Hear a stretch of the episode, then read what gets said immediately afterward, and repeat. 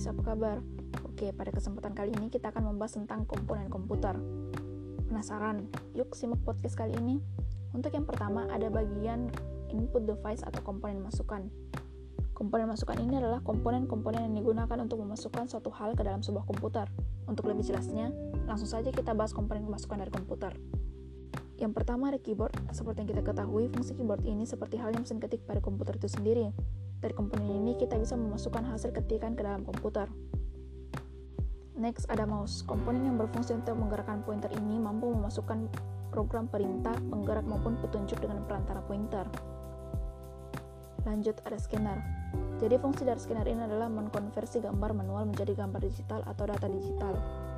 Oke, kemudian ada floppy disk dan optical drive. Jadi fungsi dari kedua komponen ini hampir sama, yaitu sebagai perantara untuk memutar disket. Buat simpelnya tuh gini, floppy disk itu semacam DVD buat laptop yang dapat dihubungkan dan dipisahkan dari komputer. Sedangkan optical drive itu selalu terhubung dan merupakan satu kesatuan dengan komputer itu sendiri. Yang kedua ada processing device atau komponen proses. Buat singkatnya langsung aja kita bahas komponen proses dari komputer itu sendiri. Nah, yang pertama ada motherboard. Seperti namanya, jadi motherboard ini merupakan induk dari komponen proses komputer. Kok bisa gitu? Ya bisalah, sebab semua komponen dari komputer dipasang di motherboard ini guys. Kalau tadi induknya, maka sekarang ada otaknya. Yap, selanjutnya adalah prosesor yang berfungsi sebagai tempat pemrosesan instruksi-instruksi kepada komputer.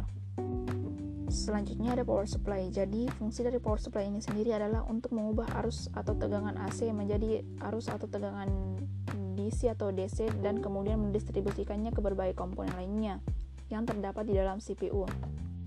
Terakhir, dari komponen proses ada video graphic adapter atau lebih dikenal dengan sebutan VGA yang berfungsi untuk menghubungkan motherboard ke monitor.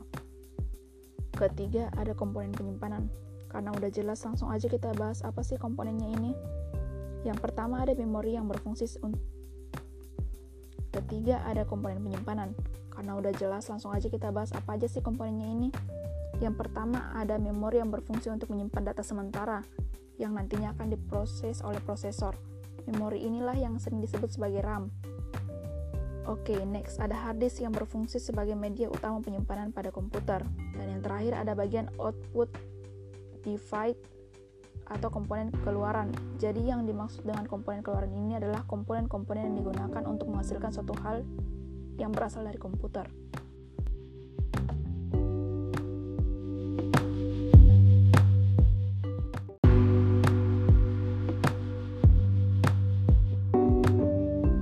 jelasnya, langsung aja kita bahas komponen keluaran dari komputer. Untuk yang pertama ada monitor. Fungsinya itu untuk menampilkan data atau informasi yang telah diolah secara visual oleh komputer, seperti menghasilkan hasil ketikan dari keyboard. Oke, selanjutnya ada printer yang berfungsi untuk mencetak hasil hard copy atau rekaman keras dari proses pengolahan data oleh komputer pada media kertas, baik tulisan maupun gambar. Berikutnya, ada speaker yang berfungsi untuk menampilkan hasil dari proses pengolahan data oleh komputer dalam bentuk bunyi atau suara.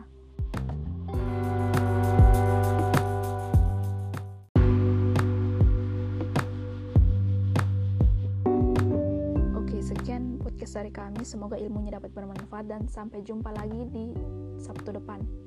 Terima kasih. thank you